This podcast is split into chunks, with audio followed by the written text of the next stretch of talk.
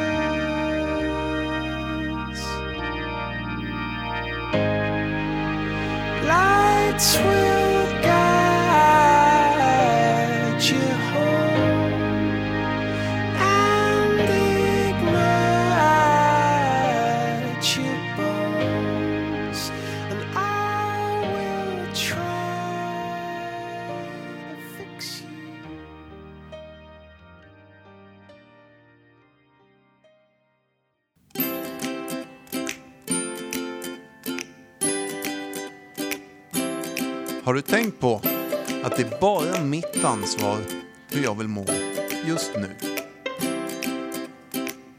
Welcome to the biggest podcast of the world med eh, Jeppe, Freddy och Danne. Två fyllon och en sanning!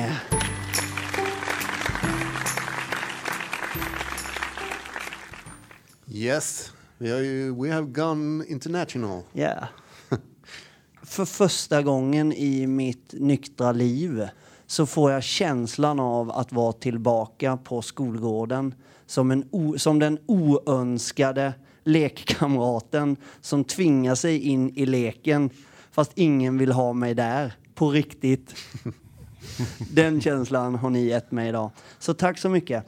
Och då tänkte jag så här då i terapin där, där jag går eh, hos eh, en eh, superterapeut eh, som han har blivit idag. Så det här med vuxet barn då, hur det kan yttra sig slår mig faktiskt, och nu blir jag seriös då, innan var jag ironisk. Men det slår mig faktiskt, som vuxet barn så kan man antingen vara, alltså jag är ganska ansvarslös och det kan yttra sig även då när jag är vuxen, för då är jag ett vuxet barn. Eller kan det vuxna barnet vara tvärtom, att man är i perfektion, vill ha koll och när jag väl är med i en lek eller ska styra, då vill jag gärna styra och ha kontroll på det här. Och jag har sett kanske två olika vägar av det här idag. Som är lite som en häftig reflektion. Nej men där jag är den kanske mer oansvariga. Vi tar det som det kommer, det löser sig, bla bla bla bla bla. Men jag fick en annan syn på dig Danne. Du var väldigt, eh, ja men jag har skrivit en liten lista här. Eh, jag hade lite tid över. Och eh, det här och det, t- tänkte vara så här. Och så tänkte jag, i slutet gör vi så här och det, det, det. Och då kände jag, ah fan. Eh, Det där var en sida jag inte har sett. Skitsamma, så jävla kul att du är med i studion idag Danne. Ja, tack. Det känns eh, ja, gött att vara här. Jag tror, om jag bara får säga det sista jag tänker säga idag, typ. Nej, jag kommer säga lite till. Eller ställa lite frågor för jag kommer vara nyfiken på det som komma skall. Men vi hade ju Sonny här för ett tag sedan. Eh, Och ni som lyssnar på oss frekvent och ni är ett par stycken, ni vet vad jag pratar om. Om ni inte vet det så hade vi i alla fall en gäst här för ett tag sedan som heter Sonny. En superterapeut. Som var din på något sätt första liksom, kontakt med eh, det nyktra livet på något sätt. Ja, så kan man säga. Absolut. Och han berättade ju om ert första möte. Det ni inte visste då, det var att det skulle liksom bli en livsvänskap på något sätt. Mm, ja, just det. Att Danne och jag faktiskt Ja, men ni, träffades. mött, ni möttes Ja. där. Han berättade det och du har berättat om det, Jeppe. Och i den lokalen så hände någonting på Motiva. Och här sitter ni idag. Hur många år sedan är det? Ja, Det är eh, 16 år sedan ju drygt nu. Mm. Det Som blir det. Ja. Som du klev ner där. Ja, för du, hade, du träffade ju Sonny först där och sen så skulle du börja i behandling. ja, jag vet inte om jag träffade Sonny först egentligen, men det var ju, han var ju där. Eller han, Han höll i det. ja, precis. Eh, Men Ja, vad hände sen? Alltså, det är ju så. Jag kommer ner där för trappan. Det här är ju en källarlokal kan man säga då. Och eh, då så, jag vet ju om att jag ska komma in ungdomsgruppterapi. Och det sitter ju mycket riktigt några ungdomar i ett slags väntrum vi hade där då. Innan man gick in i terapin och, och sådär. Och en av dem, han sitter ju typ ett huvud längre än allihop. Jäkligt rakryggad så och Två- fast ja. blick liksom. Du säger ju två meters fyllot Jeppe. Om Ja, det, det, det är ju hans gamla öknamn som han har berättat om. Men det, kan vi, Två meter alkohol. det hette det i Katrineholm. Ja, Danne är alltså 1,96 är det va? Eller? 98. 1,98 lång. Ja. Jag var alltid två förr, men ärligheten har fått mig lite mer dit jag är. Nej, men eh, så är det ju alltså. Jag kommer ner där. Jag är vid det tillfället totalt körd i botten. Det är inget snack om det. Det förstår alla som har lyssnat. Mitt självförtroende är någonstans under skosulan. Min vanligaste syn som jag hade på den tiden, alltså vy, det var mina skor. Jag tittade alltså ner i backen. Off, alltså ögonkontakt var det vidrigaste jag visste. Jag undvek det in i det sista med människor. Framförallt med människor som såg ut att må bra och sånt där. Men eh, där då så tittar jag ju upp såklart för jag är ändå nyfiken. Jag går ju inte konstant och tittar ner i back- backen såklart. Men eh, då möter jag hans blick där då. Den här långa golfspelande Stureplansklädda killen. Med, jag vet inte om du hade slips den dagen, det hade du nog inte. Men, Det är efterkonstruktion. Ja. Nej, men eh, han reser på sig och sträcker fram ett fast jävla handslag dessutom. Jag håller på att skita på mig så bara. Men jag sträcker fram handen ändå. ändå liksom. och, ja visst, hej hej. Jesper heter jag och så. Ja. Och eh, jag vet inte. Det, det, det, om du tar över lite där. Vad, vad tänker du när du ser mig komma ner? Alltså jag hade ju suttit i nio månader i behandling då. Mm. Hade jag. Och, och, Var det eh, så illa? Ja, ja alltså det var helt, helt galet. Och eh, jag saknade ju någon eh, sådär som var liksom lite mer på. Jag var, jag var väldigt motiverad från början. Eh, Jag hade haft turen i min slut på min nykterhet sådär att, eller vad säger jag, slut på min fylla. Att, att träffa på bra människor sådär. Så att jag visste nog vad jag, vad jag ville när jag, när jag sökte hjälp. Så.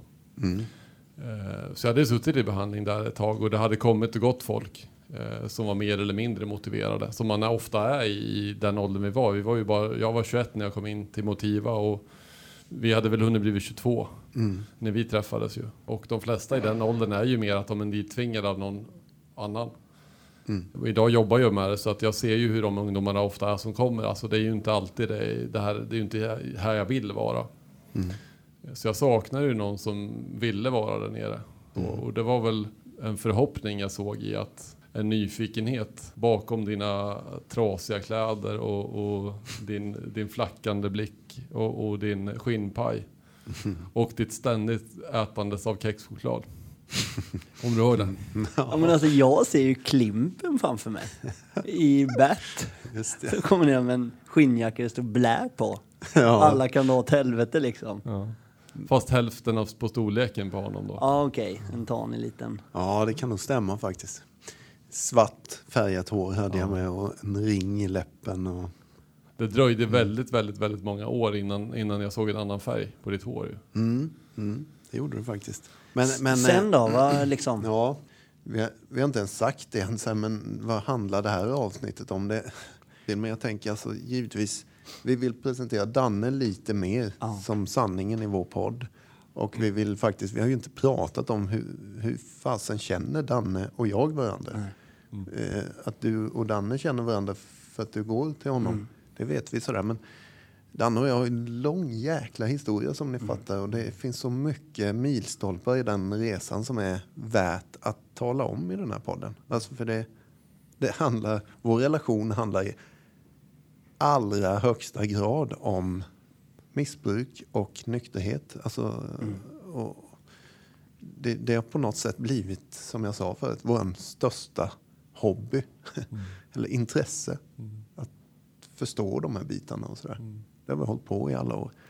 Alltså ni har ju verkligen varit nyktra ihop och liksom... bör- Ärligt, talat så, så tror jag ju att eh, jag trodde nog inte så mycket egentligen när jag tänker efter på Jeppe i, i början sådär. Alltså du var ju väldigt långt nedgången sådär. Det syntes ju på dig att fastän du har levt ett härjat liv. Eh, men ganska så snabbt sen så började ju, det började, hände ju väldigt fort saker med dig. Eh, Och det dröjde inte jättelänge innan det kom in några gubbar från Anonyma Alkoholister och du började prata med. Och jag var ju jättetörstig på att göra saker för jag ville ju vara nykter. Jag hade ju någonstans hittat någonting. Och du var ju där snabbt. Mm. Så att, där började det klicka tror jag. Just det, för jag, jag hade ju också, jag tror Sonny sa det med, dig behövde man inte jobba med någon kapitulation eller så här. Du var färdig. Du hade gett upp och det, det stämmer väldigt bra egentligen. Och, och fan, eh, ja. Usch, nu blev det känsligt direkt här för det var fan vad sjukt det är att det blir så här. För Danne och jag, vi har inte träffats på ett tag nu heller faktiskt. Och, och det är klart vi har snackat lite om detta avsnittet i veckan här nu. Och både Dan och jag har ju känt att fan man väcker saker och ting när man pratar om det. Eh, som man glömmer bort ibland. Alltså det är 17, 16 år sedan sa vi va? Eh, alltså, jag kanske blir lite lipig idag, det får folk leva med. För ni, ni var ju verkligen två helt skilda, jag vet vi snackade i bilen hit Danne. Två helt skilda motpoler. Alltså som då, vad ni trodde i alla fall. Och jag känner igen mig det, jag trodde ju det om Jeppe också. Din jävla, alltså alla tankar jag hade om dig. Min ni, bild. ni är ju mer lika, Ja men precis. ni två. Ja. Verkligen. Ja, och, jag, och, det, och det, jag sa ju det också, det har ju vi pratat rätt mycket om det här Jeppe, att, att hade vi träffats på krogen så hade vi ju, jag var ju inte någon som slog speciellt ofta, men vi hade inte tyckt om varandra. Nej, nej precis. Eh, och det var ju det som, som var så häftigt sen när vi, vi klickade ju där nere på grund utav att vi båda var lika törstiga på att bli nyktra. Och fattade någonstans att vänder vi oss inte till varandra så kommer vi inte klara oss. Nej, precis. För det, Vad hände sen då? Sen hade ni fantastiska år där i början ju. Hade ni inte det? Ja, vi engagerade oss jättemycket i tolvstegsrörelser och sådär och, och startade grupper och ungdomsgrupper och sådär allt möjligt då, som fanns där och, och, och hjälpte nästa personer som kommer efter och så vidare som man bör göra. Skicka vidare facklan. Ja, och framförallt så tänker jag på en sak som vi båda två hade också gemensamt. Att du nämnde det tror jag i Sonny, när Sonny var här.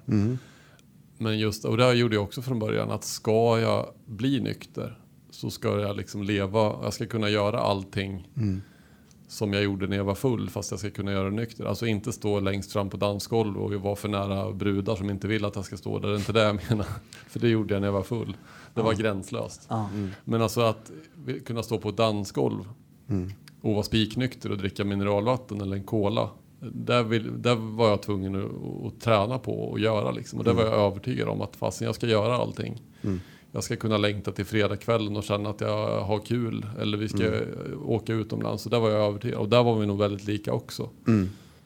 Ja, det här alltså, nästan ultimatumet. Jag tror kanske jag sa det med då i Sonny-avsnittet att eh, ska jag göra det här, då ska jag ha en nykterhet som är värd namnet.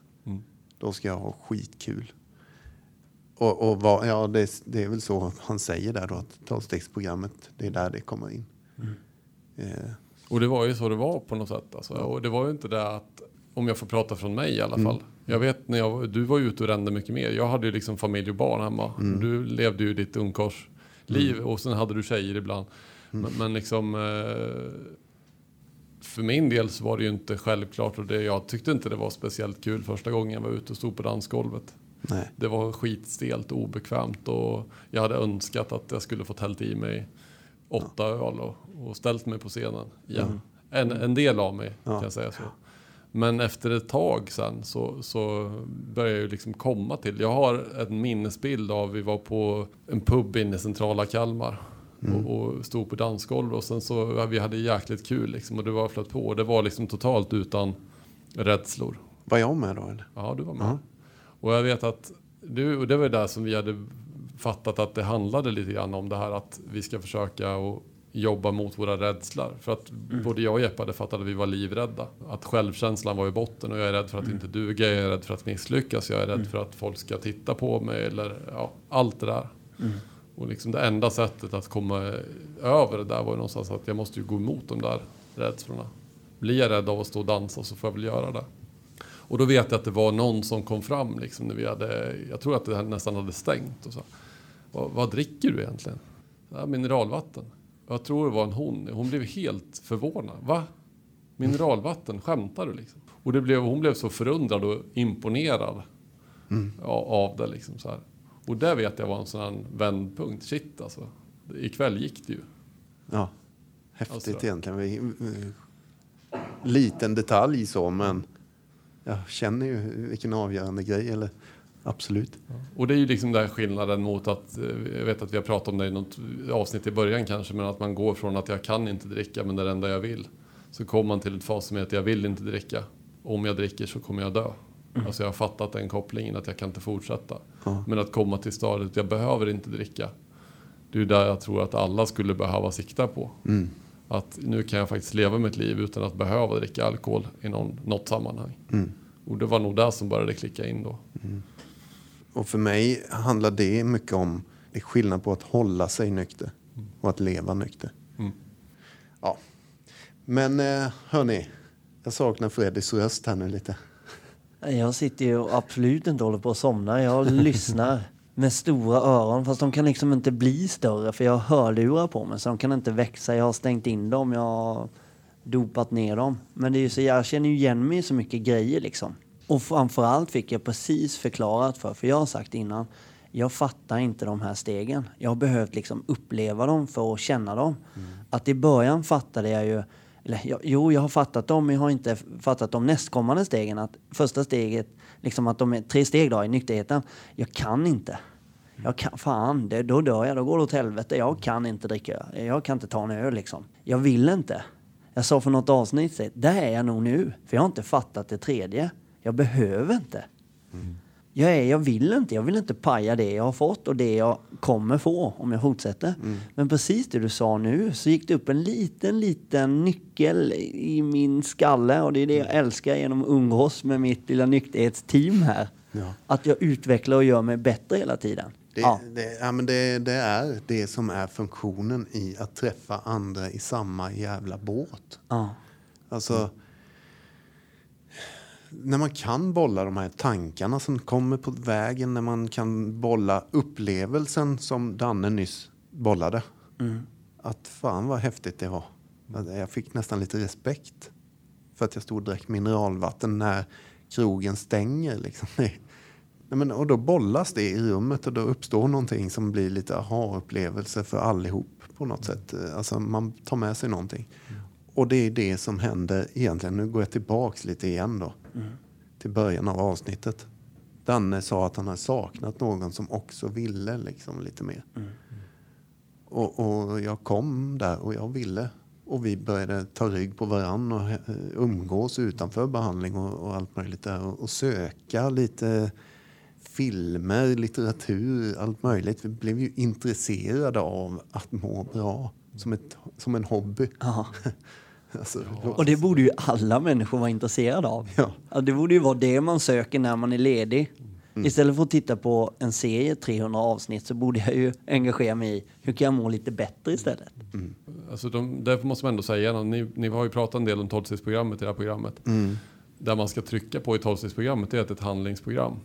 Rakt av. Det är, liksom, det är inte för människor som behöver utan det är för människor som vill ha det. Och vill man ha det så, så finns det ganska, som ni pratade om då, alltså anvisningar på hur man ska göra. Och, och det var väl det vi gjorde under de här första åren. Alltså vi handlade, vi gjorde det vi skulle. Vi ville ha det. Ja. Exakt. Ja, Så vi gjorde, vi, åkte, vi var ju på någon båt ju. ja precis. Det var ju en så spännande och då är vi liksom, vi kan ju tänka det här är 2005. Vi är då 23 bast Ja. Och ska på en Finlandskryssning. Och 23-åringar för det första som åker Finlandsbåt. Liksom. De åker dit med, för att dels handla taxfree och dels för att supa i ett dygn. Ni, ni hade ju en annan gäst här för ett par veckor sedan som, som, som, som åkte båt. ju. Han klev inte av. Han klev inte av. Vad åkte han? Hur många dagar åkte han Två framåt? två veckor. Två veckors tid fram och back. Stockholm, Tallinn. Nej, men vi hade nyss satt ut att det var en hälsokryssning. Mm. Det, var, det liksom låter som hälsoresan. Vi var, 20, vi var fy, fem var vi. Fem stycken ja, nyktra unga människor. Ja. Som, som skulle åka på en hälsokryssning och det var Neil Donald Walsh, en författare var där och det var Kai Pollak och Mia Törnblom och ja men det var en så här, de skulle ha föreläsare, det skulle vara workshops och det skulle vara eh, liksom lite hälsomat och sådana grejer. Vi, vi, vi, ni har ju pratat om andlighet också så eh, vi, vi var ju andliga, andligt törstande kan man säga. Vi ville borra ner oss mer i, i liksom i vad det betydde och vad det var och allting sånt då. Och eh, alla de här tre gurusarna som de hade blivit för oss skulle liksom på samma båt. Så, så vi upp till Stockholm och kastade oss på den här färjan. Vi, det var ju dessutom en som hade hamnat på fel båt ju. Ja, ja, Det var roligt. ja. Så jävla hemskt. Och det var inte Rolf. Nej, Nej, det var inte Rolf. nej. Nej, det var en, en, en kvinna var det som, som var så stupfull under den här... Och det var Helt ju, ensam om att vara det. Och en hel båtjävel full med... Förlåt. Men tänk att gå runt på en hälsokryssning. Enda hon ville var att träffa kärar och supa och dansa till schlagermusik. ja. Och stå, stå någon jävla frälsare på scen. Ja, jag hade ju varit på, på Finlandskryssning ett par år tidigare under mitt aktiva liv. Liksom, och då, då var det ju verkligen där som man var, förstå komma på fel båt. Liksom. Det hade ju... det är ju hemskt. Ja, det är så hemskt. Tack. Vet vi vad hon heter? Kan vi ringa henne någon gång? Och, sitter med Känner- tårar i ögonen. Känner du igen dig i den här beskrivningen så vänligen kontakta två fyllon och en sanning. ja, verkligen. Oj, oj, oj, oj Snälla. vilken grej det hade varit. Ja. vi, och vi dömer inte dig, utan det, Verkligen Nej, inte. jag sympatiserar ju med henne. Ja. Det behöver inte betyda att hon hade alkoholproblem. Utan de- alla i våran ålder som vi var i då var ju klart aspackade på en finlandskryssning. Ja, Så det var liksom Det var det ingen eh, normala, moralisk... hon måste ju sett det som ett gäng zombies som gick omkring. I en värld som till Danne inte... sa hon ju bara "Ah, “Tjena, är du här igen?” och det. Och så här. Nej, det sa hon inte. Ja, vad häftigt. Hon är med en sån här historia som ni har gjort, eller? Jag fick faktiskt frågan idag av en eh, jag känner lite grann som, som jobbar med sig själv. Ganska ny i det.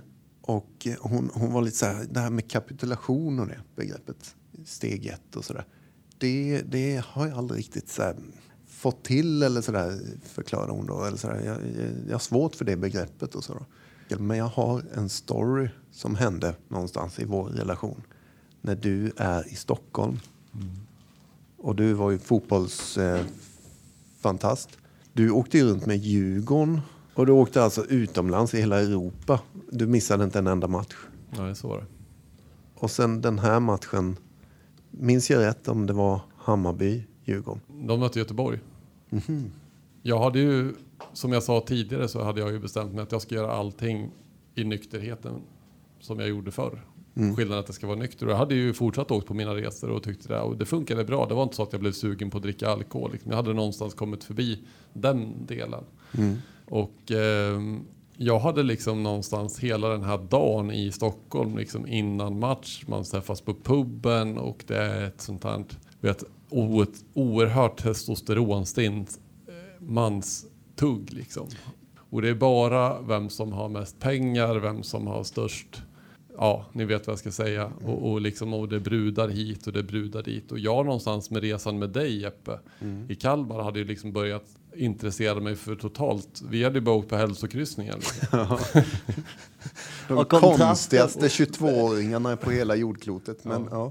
Och jag började bli bara le på, på, på själva umgänget sådär. Och tugget. Jag tyckte inte det var kul. Och vi åkte ut till Råsunda, vi krossade Göteborg och, vi, och det var ju kul liksom. Match, matchen och sådär, det har alltid varit kul. Och sen så efteråt matchen så var det en som bodde ute i Aspudden. Som vi var och det skulle vara efterfest och sen skulle vi ut in till Östermalm och fira guld och sådär. Och det var ju standard liksom. Så det var ju inget, inget konstigt med det egentligen. Men jag bara kände när jag satt där ute i den här lägenheten efter matchen i Aspudden att alltså det här, är- jag orkar inte längre. Jag vill inte vara med. Så att nu skulle vi in till stan liksom då. Och sen åker man då eh, vid, vid Slussen så kan man byta tåg. För jag skulle egentligen sova hos en polare som dessutom då är Hammarbyare ute i Hagsätra åt fel håll. Så att vid Slussen så, så bara bestämmer jag, nej, jag ska inte med. Så jag bara hoppar av. De ska vidare in till Östermalmstorg och hoppar på tuben ut till mot eh, Högdalen då. Och när jag sätter mig i den här tunnelbanevagnen och på väg ut ur Stockholm, en stad som jag dessutom har bott och druckit väldigt mycket i, så får jag någon sån här liksom bara lugn över mig. Ja, fy Att liksom så här, och, och nu, nu blir det lite känsligt eh, för mig med, men alltså det, det är så här att jag bara en, en så fast, tung känsla av fy fasen var jag färdig med det här. Och, och ja, jag tror att till och med tårarna var rinna. Då. Jag vet det, för du ringde mig då. Ja. Eh, Danne ringer mig i den vagnen och lipar liksom. Han bölar ju. Och, och säger det bara. Det här och det här har hänt. Och jag vet inte om vi är medvetna om det då. Att det är det här begreppet kapitulation som håller på att infinna sig i hans, i hans kropp och hjärta. Liksom. Eh, där han byter håll. Tunnelbanan som skulle till efterfesten eller vad det var. Eller krogen. Och bara hoppa av den och ta tunnelbanan åt andra hållet. Det, det är en, Och det var liksom inte det som var kapitulationen i själva nykterheten utan det var mer kapitulationen för mig själv, för vem jag var och var jag var på väg och vilka jag ville, just det.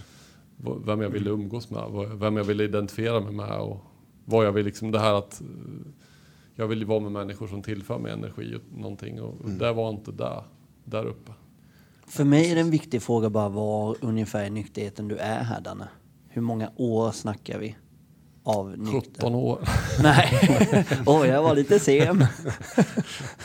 Nej men vi är ju då, Det är tidigt ju. ja det är ett år in i nykterheten ungefär. Ja. Vi hoppade lite i tiden här, men ja, där, Jag, jag nyktrade till november 2003. Jeppe kommer in i behandlingen i augusti 2004. Så det är ju några månader efter att du... ja precis.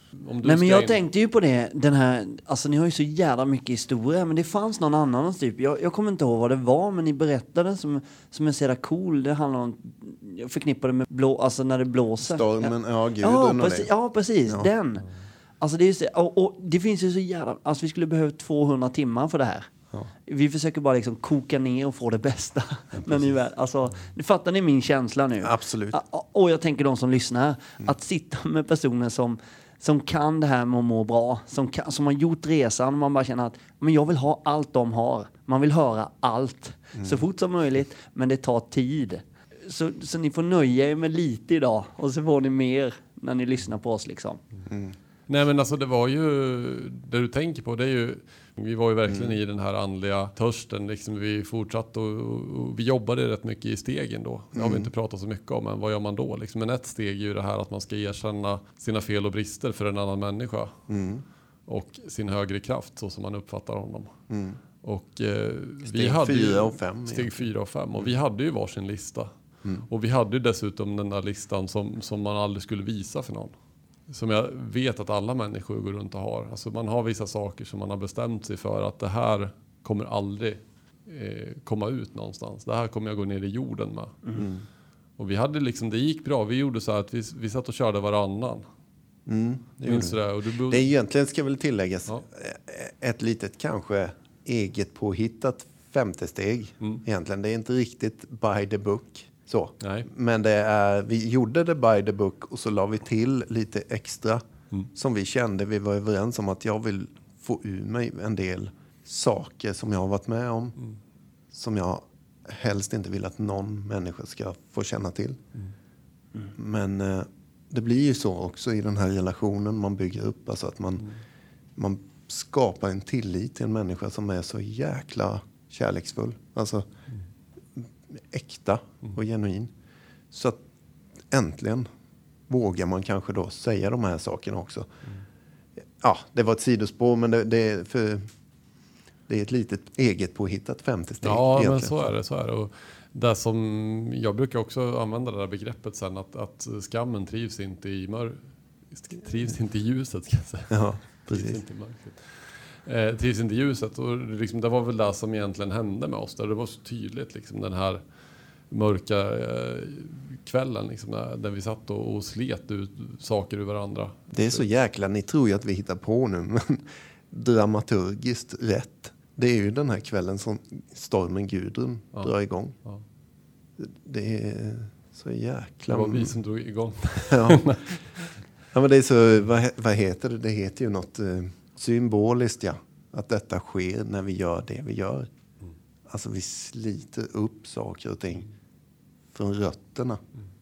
Och bara- Och vi hade ju på den här listan, liksom, om vi ska Mm. bli klara med den här historien. Vi hade ju ändå, även om vi hade börjat tag i saker som var riktigt jobbiga, som jag skämdes djävulen ur. Alltså, Mm. Så insåg vi ju liksom någonstans när vi kom på den här listan att fasen, vi har ju precis samma saker längst ner på den här listan som, Mm. som skulle med oss ner i jorden.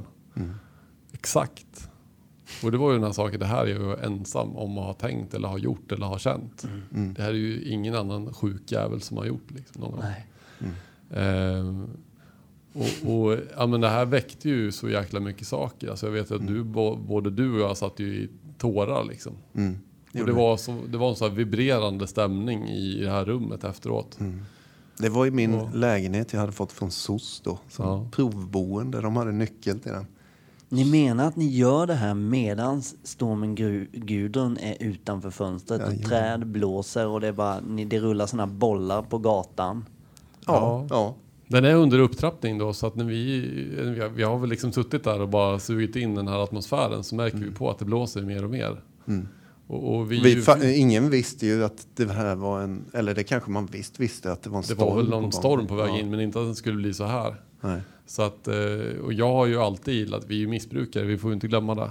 Mm. Vi, vi, jag i alla fall gillar ju naturfenomen så att jag sa till Jeppe, det här måste vi ut och, och känna på hur det känns. Så kom vi ut där och det började blåsa mer och mer. Och, ah, kan vi inte gå upp på Ölandsleden? sa jag till Jeppe. Så vi är upp på Ölandsleden. Eh, Vi gick en bit alltså. vi gick en bit där mot bron, för jag tänkte ut på Ölandsleden räcker ju inte. Vi ska ut på bron, alltså gå. För bron var ju avstängd såklart, för länge sedan. Vilken jävla gangster du är Danne. Ja, eller kickjägare. ja, Men fan det där med trä, alltså det där med blåsten känner jag, alltså nu, nu blir det liksom hur, för det, vi var nere hos morsan, de bodde söder om Kalmar. Och det här är ju inte länge sedan. Eller ja, det är ju ett par år sedan när jag fortfarande var aktiv i mitt missbruk. Men då blåste det ju som fan. Och de bodde typ mitt i skogen. Jag gick ut med mina barn och klättrade i träd. Det är inte det smartaste du kan göra om det blåser storm. Nej. Att klättra i träd. Alla signaler säger håll dig ifrån skogen. Men det här sökandet av kickar. Ja, visst. visst. Fan vad jag känner igen mig Sen det. var vi ju Ja. rädda kan vi, om vi ska knyta ihop den där historien när vi gick tillbaka från den här eh, bron. Vi insåg att ah, men det här är ju, det blåser mer än vad som är normalt. Och när vi kom tillbaka mot din lägenhet då, så låg lyktstolparna liksom bokstavligen i vågrätt Mm. efter backen. Och det ven ju plastbord och utemöbler liksom runt omkring oss. Och då insåg vi att vi måste in nu och ta skydd. Ja. Nej men så där var det ju. Men sen så om vi ska försöka hitta någon form av eh, gå vidare i liksom där vi någonstans där så börjar ju det här med att må bra och, och ha någon form av andlig spänst och, och eller det låter ju så att säga andlig spänst men alltså vi mådde väldigt bra under den här perioden. Liksom. Vi umgicks väldigt mycket, vi pratade dagligen med varandra och, och saker liksom flöt på. Vi gjorde rätt saker. Men någonstans så började det, det smyga in sig någonting som, som eh, jag kan inte sätta fingret på exakt. Jag kan göra det i efterhand nu liksom, för nu har jag fattat det och vi gjorde väl det sen efteråt. Men, men det var ju någonting som gjorde att jag började jag vet själv när jag gick på, ja, men man gick på självhjälpsgruppsmöten och sådär så började jag ju tycka att fan ska jag behöva gå så här mycket liksom längre. Jag kan väl, eh, det där mötet kan jag kanske hoppa över. Och, ehm, likadant när jag satt och lyssnade på en del folk så tyckte jag att åh, ska den där prata igen? Liksom där har jag hört så många gånger. Och istället också för att jag faktiskt lyssnade och kände igen mig i vad folk satt och pratade om på mötena som jag alltid hade gjort innan. Så började jag istället att tycka att ja men du borde göra så här istället. Jag satt och löste allas problem. Och det är en sån här tror jag, klassiker som man kan ha lite som varningssignal. Så här. När, jag, när jag börjar bli en terapeut på de här mötena istället för att vara där som en nykter alkoholist. Och utan att veta om detta så sker ju exakt samma sak för mig. Vi pratar inte med varandra om det. Eh, Tror jag, i alla fall inte sådär på allvar. Utan vi kanske säger det någon gång ibland att ja, det var ett sämre möte ikväll och sådär. Men eh, på riktigt hur jag började reta mig på människor och sådär. Precis som du säger, kopieringspapper på det. Och lösa alla andras pro- problem. Inte mina egna, utan den borde göra si och den borde göra så. Och jag hade ju saker då som jag behövde gå på ett möte och prata om. Liksom. Mm. Så, men det gjorde jag ju inte. För jag ville ju vara den duktiga som sa rätt saker. Just det. Och, och eh, nu är vi väl, jag är väl fem år in i min nykterhet ungefär. Mm. Eh, Och, och liksom livet är ju så på dans och rosor enligt mig. Men det som hände så, så Men ni gled isär lite då eller? Ja, men delvis så... Vi började väl liksom... in- Vi hördes inte lika ofta och vi, vi, ja, men vi gled lite isär. Men du, du, hade ju, du hade ju två barn faktiskt och familj och det. Ja, och det ett hade, barn hade vi just då. Nej, två. Två hade ni. Kolla Jeppe vet ju inte ens hur många barn du hade liksom. men jag visste bara inte det. kompisar ni egentligen. Det var Jeppe som hade kommit. Ja, jag Ja, hade det var det. Jeppes barn egentligen. Vi kan återkomma till ett, ett annat avsnitt. Nej, men och jag levde ju mitt eh, liv ute på krogen och hade kul och nykterheten bara blomstrade och allt det där tyckte jag. Så. Men eh, de här tankarna började flytta in. Och det. Ja. Och det som hände också, det var ju det här att, att eh, när jag började lösa andras problem, när jag började tycka att jag är lite annorlunda och lite bättre, så till slut så tappade jag ju med det som heter gemenskap. Alltså att jag känner igen mig i folk. Att jag, det är ju det man pratar om där inne, att man får en gemenskap med andra. Jag är inte själv längre. Det som hände med mig i alla fall, och det var ju att till slut var jag ju själv igen. Eftersom jag tyckte att andra borde skärpa sig och jag hade lösningen så.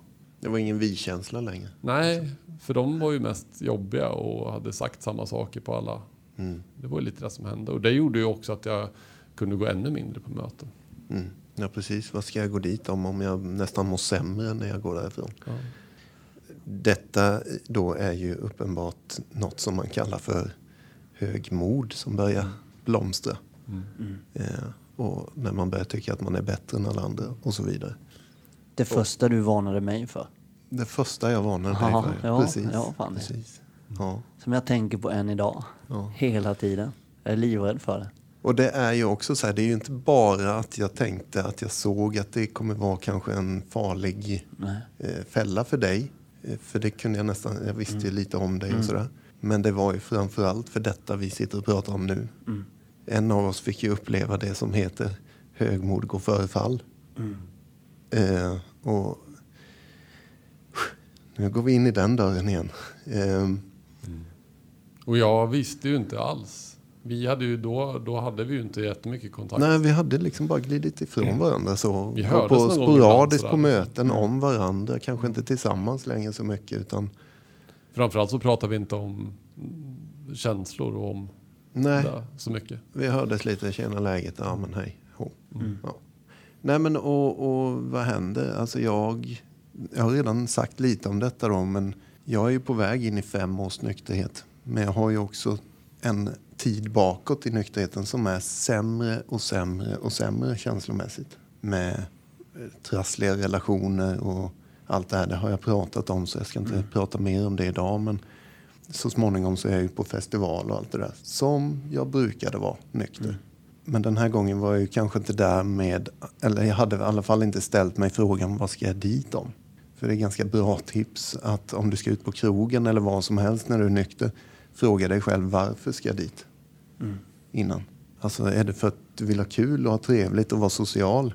Hell yeah, gå dit för fan. Men finns det andra saker bakom de tankarna, det känner du själv. Om du är ärlig mot dig själv. Då kanske du ska stanna hemma faktiskt. Och det är inte så lätt egentligen. Det är lättare sagt än gjort. Men det är viktiga bitar att prata om. Eh, där mitt återfall till slut står framför näsan på mig. Efter det här året eller kanske ett och ett halvt år. Jag vet inte hur länge det har pågått. En återfall. Det är också viktigt. Ett återfall börjar sällan när du sätter flaskan till munnen. Ett återfall börjar långt innan. Alltså det är därför det heter ett återfall. Eh, Alltså när återfallet är slut, det är då du sätter flaskan till munnen, anser jag. För då är det slut på lidandet egentligen, att du mår jävligt dåligt i din nykterhet. Då kommer den gamla medicinen fram istället. Som inte funkar som vi vet, men i det skicket så, så är plötsligt de här sunda tankarna långt borta. Nej, men, och, och för att dra en ganska kortfattad version av det här återfallet. Det, festivalen pågår och jag, jag kollapsar vid något tillfälle och, och liksom nästan medvetslös. Där en av mina bästa vänner, en barndomsvän, får tag i mig, plockar upp mig, bär iväg mig. Jag vet inte om han är rädd eller förtvivlad eller vad är det som har hänt. För att, alltså bara några halvtimme innan var jag faktiskt nykter den dagen. Men jag drog i mig en massa skit som jag inte hade gjort på fem år. Plötsligt blev det krock i, i, i psyket antar jag. Så bara kol- kollaps liksom. Jag vet att jag själv står på alla fyra och försöker knappa in 112 på telefonen för jag vet att fan, det här var lite too much. Jag har överdoserat. Det här är inte bra. Och jag vet inte hur man slår 112 på telefonen. Jag kan inte det. Jag får inte till det. Sen får jag bara ihop och det svartnar. Och medan du är där Jeppe, i, jag, jag ser tavlan framför mig, hur du har det runt omkring dig och hur du mår. Medan sitter en Daniel hemma i sin nykterhet som liksom kanske också svajar lite och tror, eller förutsätter att du är nykter helt ovetandes om detta. Vad som är på väg att hända. Precis. Jag vet ju inte ens att du är på Hultsfred. Nej, vi pratade ju inte så Nej. mycket med varandra just den här perioden. Kanske också av en anledning. Alltså, Ja. det kan man, jag distanser, distanserade mig mer och mer från sådana vänner. För jag mådde liksom inte riktigt bra och jag tyckte jag trivdes. Alltså, då ska jag behöva fejsa massa skit här nu och lite ångestkänslor. Och, ah, börja prata om det igen och allt det där. Nej, det hade jag ingen lust med. Men i alla fall, hela festivalen pågår och jag kör ju på som fan varenda dag som i alla fall jag gör när jag är aktiv missbrukare på en festival. Det finns inget stopp alls. Och jag är ju på väg till Stockholm sen sista dagen. Sitter i en bil liksom och kör. Jag borde inte köra överhuvudtaget. Stannar i Söderköping för jag, jag, har, jag har hållit på att köra av vägen tre gånger. Som en jävla galning liksom. Skanstulls tunnelbanestation tror jag det slutar. Och jag vet inte exakt vad som händer. Det är ju snurrigt som fan. Och det blir handfängsel och hela den här biten. Och dagen efter i alla fall så är det ju... Jag sätter mig i bilen igen. Jag borde inte köra överhuvudtaget. Eh, tankarna är ju helt splittrade liksom. Ena alltså en jävel på ena axeln och en ängel på andra axeln. Som tjattrar konstant. Och vad, vad håller du på med liksom? Vad fan är det som håller på att hända? Du tappade nu. Nu är det fritt fall. Eh, alltså den här veckan som har gått. Jag, har, jag vet inte om jag har fem eller tio minnen ifrån den veckan. Det är svart. Men, men eh, du måste ringa Danne. Du måste ringa Danne liksom. Ekade i huvudet på mig. Men jag kör vidare och slår bort den där tanken ena stunden och tänker jag åker in i Norrköping. Där ska jag sätta mig och bara kröka skallen i småbitar igen. Liksom. Jag, det här blir för jobbigt. Av någon anledning, jag, jag, i andra tankar, jag missar ju liksom hela Norrköping. Det är så jävla snurrigt i huvudet. Plötsligt så är jag ju någonstans på väg mot Västervik och bara inser att alltså mina sista chanser för att supa mig full igen. Eller, de börjar ta slut nu för det finns inget öppet här neråt så här dags på kvällen. En söndag eller vad det här kan ha varit, en måndag, jag har ingen aning. Men eh, där någonstans så kommer den här lilla rösten igen, halmstrået. Och jag bara tar upp telefonen nästan som att jag inte gör det själv. Jag, jag ringer Danne och bara de här signalerna som går. Världens jobbigaste ringsignaler. Och så svarar han. Och jag bara tappade fullständigt. Jag bara lipar. Det var på något sätt hade vi båda varit ovetande som spiralen vi var i. Eh, Och jag blev ju jättechockad. Jag visste ju som sagt att du inte ens var på Hultsfred. Så, så jag, först så tror jag att jag tänker att du skämtar. Sen fattar jag att du pratar sanning. Och jag säger väl någonstans att eh, jag kommer. Kör av vägen på närmsta avfart liksom så kommer jag. Vi lägger ju i alla fall på och jag säger att jag hämtar dig. Och när vi har lagt på luren så bryter jag ihop liksom. Fullt ut. Som ett barn. Och det var ju... Det känns konstigt att prata om det men... För det första så tänkte jag ju att eh, vi var ju befriade från det här och ta återfall. Jag hade aldrig kommit upp i mitt huvud som ett alternativ. För jag hade ju liksom levt nu i fem års nykterhet och, och det, vi var ju liksom odödliga. Eh, Och sen ringer du och är full och det var så surrealistiskt. Och det kom så nära mig. Det här hände ju som inte. Och Milla undrade, vad, hon trodde att någon hade dött. Hon trodde att det hade hänt någon i min familj. Någonting.